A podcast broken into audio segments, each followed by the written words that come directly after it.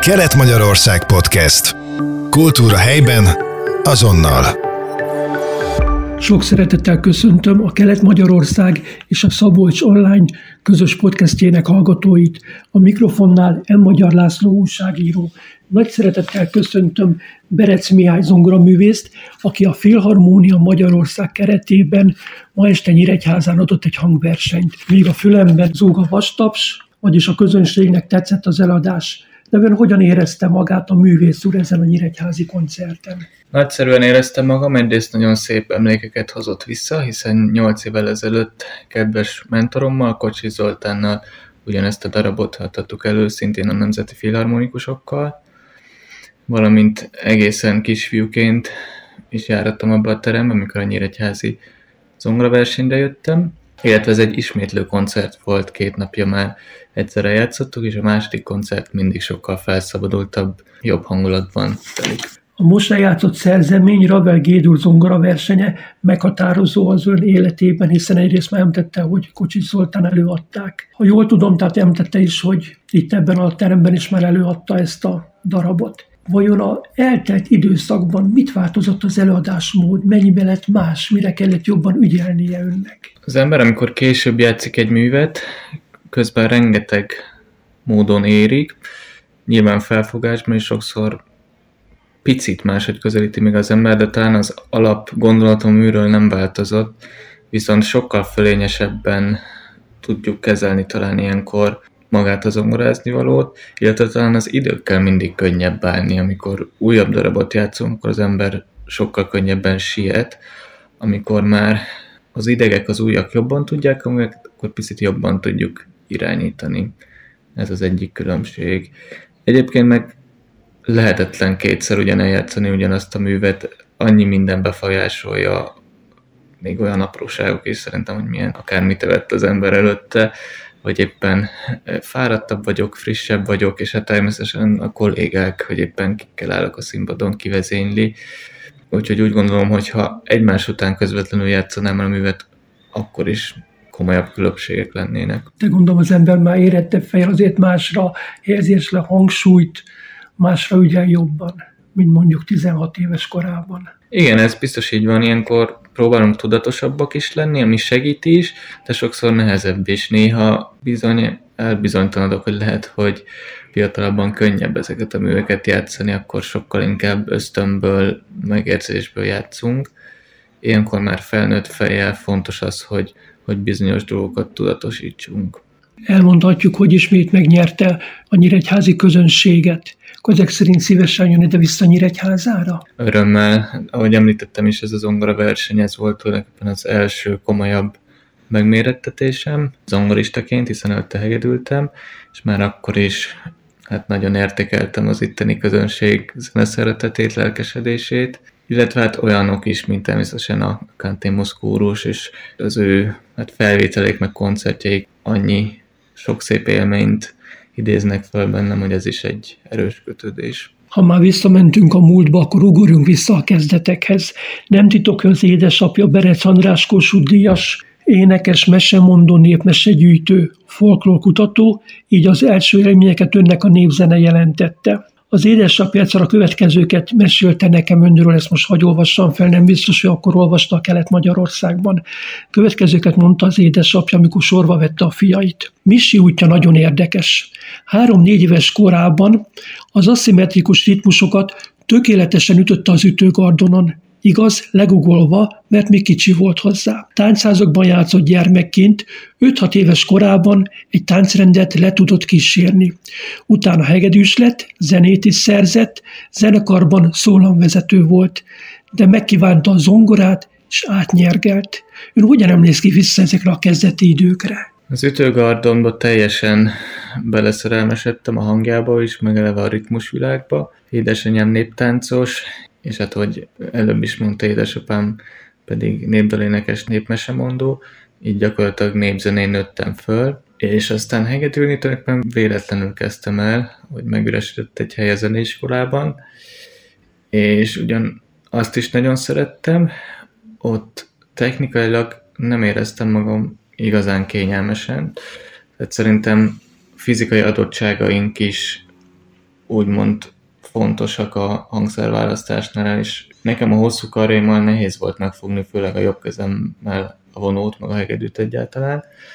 És ami nagyon hiányzott, az a harmónia, az, hogy több szólamba lehessen játszani, mint hegedűn, ezt nem kaptam meg ezt az élmény, ez egyedül zenekarban teljesített ki. És Akkor zongorában ezt megtalálta. Ez zongorában ezt megkaptam, illetve Kocsi Zoltán Bartók felvételeit hallgattam nagyon sokat, és ez volt a másik inspiráció. Akkor végül 9 évesen kezdtem el zongorázni, ami későnek számít manapság. Van, aki már két évesen elkezd zongorázni, de én ezt nem igazán érzem lemaradásnak, hanem hát Major Edith tanárnő segítségével olyan zongoratanárra találtam, aki segített nekem egy teljesen más úton elkezdeni ezt, ezzel a hangszerrel való megismerkedést, nem az zongoraiskolán tanultam, hanem Bartók művét kezdtem el rögtön tanulni, és így rögtön kialakult egy olyan kapcsolatom a hangszerrel, ami, ami valószínűleg sokkal természetesebb volt, mint például a, a hegedülés. Egyébként emlékszik még arra, hogyan fogadta a család, amikor az édesapját idézve átnyergelt zongorára? Hát nem fogadták jól, mert először is praktikai okokban, hogy fér el egy nagy zongora a lakásban, aztán ez megoldódott, és hát jó sokáig, én nem is tudom hány évig úgy gyakoroltam, hogy a nappaliba volt a hangszer, még egészen emlékszem, hát a Covid időkig. Tehát tanultam négy évet külföldön, és amikor hazaköltöztem, akkor egész nyáron, Covid alatt a nappaliban Bartók második zongoraversenyét gyakoroltam ami hát azért nem könnyű hallgatni, azt hiszem. De hát aztán szerintem mindenki hozzászokott a családban. Hogy nem volt rossz választás a zongora, az azt is mutatja, hogy nevezték önt zseninek, valamint olyan nemzeti kincsnek, akkora tehetségnek, amilyet még nem láttak ezeket a mércéket, méltatásokat hogyan lehet fiatalon elviselni, illetve hogyan lehet mindennek megfelelni. Nem feszélyezik, gátolják az elvárások, hogy mindenki a maximumot várja el öntől. Én nem szeretnék megfelelni ezeknek az elvárásoknak, mert a zenében mi a maximum? A zenében mindig van hol fejlődni, mindig lehet jobban játszani, mindig lehet szebben játszani, és nekem mindig a, a zene szeretete az első, az, amit a zeneszerző leírt, én azt tiszteletben tartom. És ez az összehasonlítgatás, különböző felvételeknek, előadóknak megfelelni, ez szerintem ez valahol nem helyes, és, és hát rengeteg inspirációt kapok különböző nagy előadóktól, de úgy gondolom, hogyha kitartóan ez a cél lebeg a szemem előtt, hogy amit a zeneszerző leírt, ahhoz teszem oda teljesen százszerzalékig magamat, akkor lehet, akkor van az ember igazán jó úton. Akkor mondhatjuk, nevezhetjük ezt művészi hitvallásnak is. Igen. Repertoárja rendkívül széles. Éppen úgy szerepelnek benne bakművek, mint a kortárs zeneszerzők alkotásai. Mégis, melyik történelmi korszak áll közelebb önhöz, ha önnek kellene összeállítani egy koncertprogramját, mely zeneszerzőket venné bele a műsorába? Számomra legközelebb Bach, Haydn, Mozart, Beethoven zenéje, tehát barokk klasszikus, és akkor a 20. század Bartók, Ravel Debussy zenéje áll. De hát um, ugyanúgy szeretek természetesen Brahmsot játszani, vagy akár Chopin-t. Főleg amiben virtuozitás is van? Nem annyira, nem annyira. Inkább az egyszerűség, könnyedség, letisztultság az, ami engem igazán érdekel, és például nehezen találok utat a nagyobb orosz romantikus, késő romantikus zeneszerzők felé, most már azokkal is ismerkedek, például nemrég játszottam rá a második versenyét, de hát természetesen a népzenei gyerekkorom miatt talán Bartók az, ami leginkább szeret, legjobb otthon érzem magam. Játszott olyan kisközségben, mint a Veszprém megyei Dörgicse, és játszott Berlinben a koncerthausban. Van-e különbség, amikor a két koncert között, a helyszínek között? Igen, minden helyszín más. Olyan szinten nincs különbség, hogy, hogy minden helyszínen maximálisan oda kell tegyük magunkat, és ugyanolyan felkészültséggel és lelkesedéssel próbálok hozzáállni a koncerthez. És hát természetesen minden, egyrészt mi ki vagyunk szolgáltatva a hangszernek is, kollégáimmal több részt nem vagyunk olyan helyzetben, hogy a saját hangszerünket visszük mindenfele. Másrészt az akusztika is rendkívül különböző lehet különböző hangversenytermekbe, úgyhogy mindig alkalmazkodni kell.